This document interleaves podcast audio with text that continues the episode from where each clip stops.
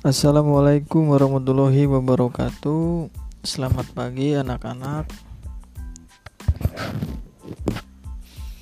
Ya, kita kembali ke pelajaran informatika. Di semester 2 ini kita akan membahas mengenai dampak sosial informatika. Nah, di bab ini kita akan mempelajari penggunaan media online untuk membuat proposal. Yang sudah punya buku LKS silakan dibuka halaman 4 ya. Ya, Bapak jelaskan dulu ya. Digital Digital berasal dari bahasa Yunani digitus yang berarti jari jemari. Ingetin ya. Apabila kita hitung jari jemari, maka berjumlah 10. Nilai 10 tersebut terdiri dari dua radik yaitu 1 dan 0. Oleh karena itu, digital merupakan penggambaran dari suatu keadaan bilangan yang terdiri dari angka 0 dan 1 bilangan biner. Itu ya, itu adalah penjelasan dari ap apersepsi. Oke, kita akan menjelaskan penggunaan media online untuk membuat proposal. Oke, simak voice ini, dengarkan baik-baik. Yang penting ditulis. Nanti ketika kita belajar tatap muka, hasilnya dikumpulkan untuk dinilai. Baik. Pada era digital seperti sekarang ini, segala aktivitas yang dilakukan oleh seseorang tidak dapat lepas dengan teknologi yang ada. Guna melakukan kolaborasi digital, tentu diperlukan berbagai macam perangkat berupa alat kerja dan perangkat lunak. Masih ingatkah perangkat lunak? Siapa yang tahu?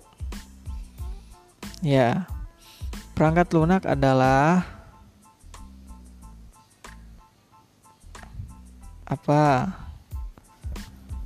Ya, seperti software ya. Jadi perangkat lunak itu tidak dapat dipegang, tapi bisa dilihat ya. Misalnya, melakukan kolaborasi digital dengan memanfaatkan perangkat lunak dari Google. Google termasuk perangkat lunak apa perangkat keras. Nah, nanti ada kolom komentar ya. Silakan. Yang pertanyaan-pertanyaan ini kalian jawab di komentar. Itu akan menambah nilai kalian. Baik.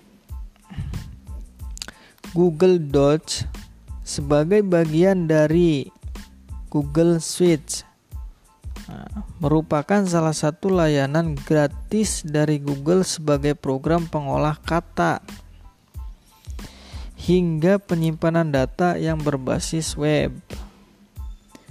Google Docs sangat memberi peluang untuk mengedit file secara online. Hmm, jadi ini tuh Google Docs itu harus online menggunakannya. Jadi kalau misalnya komputer kalian tidak online, tidak on e, ke koneksi internet, maka tidak bisa membuka Google Docs. Saat berkom saat berkolaborasi dengan orang lain secara real time. Dalam kenyataannya, ternyata tidak mudah untuk berkolaborasi. Salah satu penyebab utama adalah adanya hambatan dalam proses komunikasi. Seperti kita ketahui bahwa semua kolaborasi yang diupayakan pasti dimediasi oleh sebuah proses komunikasi. Sehingga menguasai komunikasi adalah wajib hukumnya bagi semua pemangku kepentingan dan semua penghuni korporasi tanpa terkecuali. Itu ya, itu eh, penjelasan bab 1 penggunaan media online untuk membuat proposal. Sekarang kita ke bagian 1 perangkat kolaborasi digital menggunakan Google Docs. Baik, Bapak akan menjelaskan sekilas saja ya. Nanti yang punya LKS silakan baca bab 1 halaman 5. Lanjut. Kolaborasi merupakan segala bentuk kerjasama yang dilakukan dua orang atau kelompok dalam bidang tertentu. Ya, jadi kalau misalnya satu orang bisa disebut kolaborasi tidak? Ayo, siapa yang tahu? Tulis di komentar ya, nanti Padi nilai. Tujuan kolaborasi adalah memaksimalkan sebuah proyek dengan cara menggabungkan beberapa orang yang kompeten dalam bidang tertentu di suatu proyek tersebut. Selain itu, kolaborasi juga berfungsi menambah warna dari sebuah kegiatan atau proyek yang atau proyek dengan cara mengolaborasikan hal-hal atau pemikiran yang sebelumnya belum pernah dilakukan.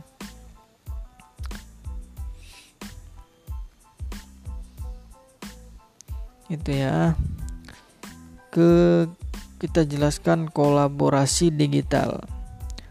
Kolaborasi digital merupakan bentuk kolaborasi yang tidak mengharuskan seseorang untuk bertemu secara langsung, sehingga dapat dilakukan di mana saja tanpa mengabaikan tujuan yang ingin dicapai. Adapun fitur utama dari Google Docs antara lain sebagai berikut. Nah, di sini ada kolom tabel ya. Harusnya ini ditulis.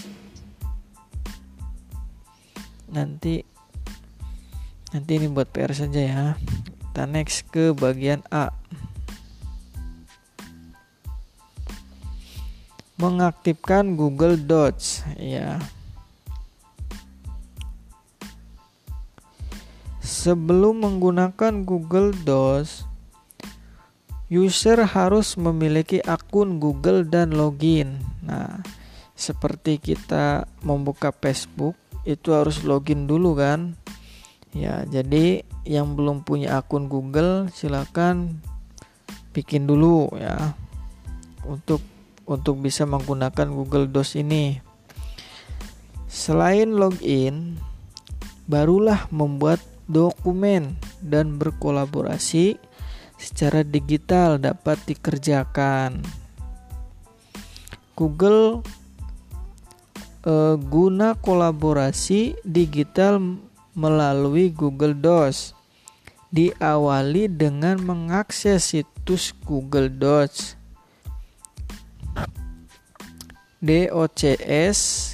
docs.google.com. Ingat, di dalam bahasa pemrograman atau bahasa komputer, dot itu titik ya, titik itu dibaca dot. Kayak misalnya www situs.com. Nah, yang titiknya itu dibaca dot Lanjut ya. Hal mendasar yang harus dipahami yaitu setiap perubahan sekecil apa pun akan otomatis tersimpan di Google Drive. Ya. Google Drive berasal dari mana? Ya, yang tadi Google Drive itu berasal dari akun Google. Ya, jadi harus mempunyai akun Google, gitu ya. Sehingga tidak perlu repot menyimpan dokumen seperti Microsoft Word. Uh -uh. Jadi bedanya gini, kalau misalnya Microsoft Word itu adanya di komputer. Kalau kita mengerjakan di komputer yang satu dan kamu mau pindah di komputer dua, maka datanya tidak ada, harus diambil dulu. Sedangkan Google Docs di mana pun kalian berada mau pakai HP mau pakai tablet mau pakai komputer laptop perangkat elektronik itu bisa diakses dan bisa dibuka di mana pun kalian berada ya. Jadi enaknya seperti itu bermain dengan internet. Kita lanjut ke halaman 6. Halaman 6 bagian B. Membuat dokumen Google Docs. Setelah itu, membuat dokumen baru terlebih dahulu dengan klik di template kosong. Blank template di bagian membuat dokumen baru, maka akan tampil lembar dokumen kosong tampilannya mirip dengan Microsoft Word. Ya, kalau kalian pernah melihat Microsoft Word atau program pengolah kata, tampilannya itu awalnya kosong. Ya. Seperti kertas HPS sama seperti itu ya. Nanti mudah-mudahan kita bisa belajar tatap muka sehingga kita bisa praktek belajar komputer bersama-sama.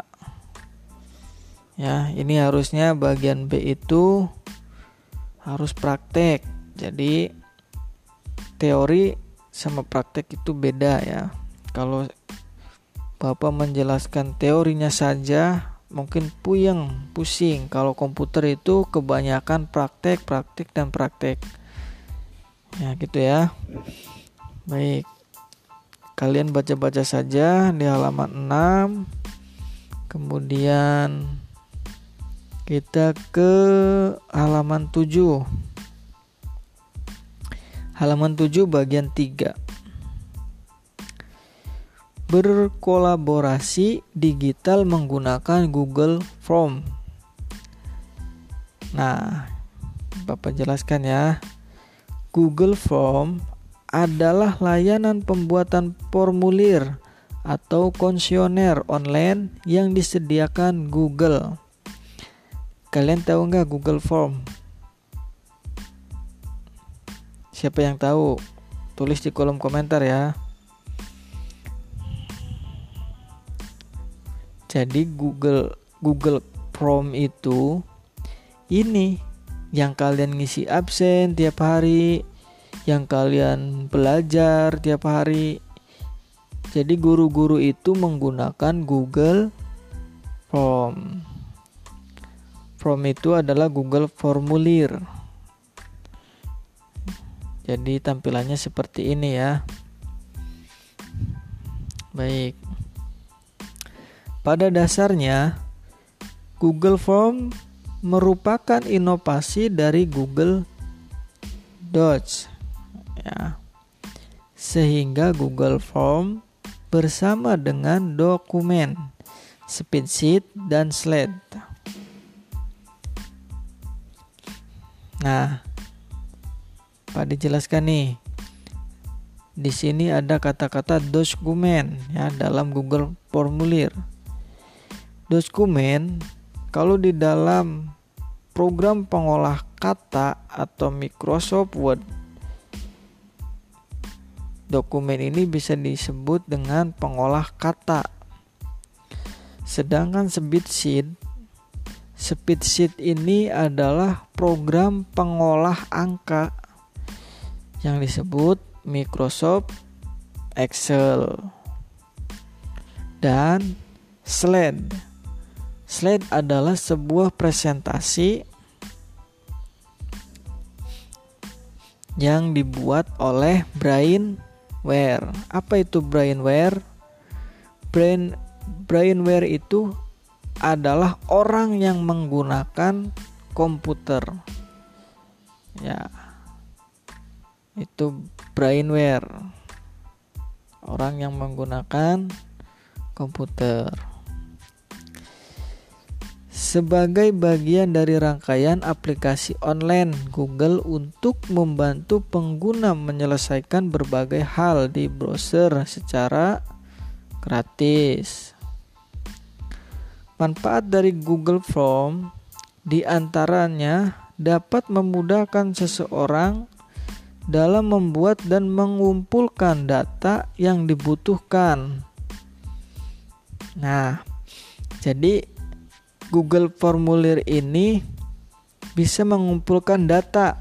Contoh, ketika kalian absen, kan Pak Adi selalu bilang, silakan klik absen, silakan klik kirim. Tujuannya apa? Tujuannya untuk mengumpulkan data bahwa kalian sudah mengikuti pembelajaran dan sudah mengisi absen pada hari ini, pada hari diterbitkannya link tersebut. Itu ya. Jadi eh, tahu nih bagaimana guru itu membuat pembelajaran, caranya bagaimana, harus langkahnya apa aja. Nah, kalian sudah tahu nih langkah-langkahnya, tinggal baca-baca dan insya Allah kita nanti praktek. Oke, lanjut ya. Jadi data-data seperti apa? Seperti skripsi, formulir registrasi online, menyebarkan link, mendapatkan data, data absen, dan lain-lain. Nah, banyak pokoknya. Karena Google Formulir atau Google Form sebagai bagian dari Google Drive. Nah, nanti data ini akan tersimpan di Google Drive. Hmm. Maka syarat utamanya harus memiliki akun akun apa? Ya, Gmail ya. Akun Gmail atau akun Google sama aja. Jadi kalian buatnya itu nanti kita belajar membuat akun ya. Misal kayak gini. Smpn 1 belanakan dot gmail at gmail.com nah misalnya gitu. Ulangi ya. Smpn 1 belanakan at gmail.com kalau at itu a a ya yang ada buletannya itu loh. Itu namanya add ya. Dot apa dot? Tit titik ya. Jangan ditulis dot ya jangan. Tapi titik dibaca dot. Gitu ya. Oke. Untuk pembelajaran hari ini materi cukup sekian tolong yang tadi Pak Adi sampaikan kalian simak baik-baik. Poin-poinnya tolong ditulis. Nanti ketika kita belajar tatap muka hasilnya akan dipertanyakan. Siapa yang nulis dan siapa yang enggak. Oke? Oke, itu aja. Kalian tetap jaga diri baik-baik, jaga kesehatan di rumah. Selalu pakai masker, selalu menjaga jarak, social distancing.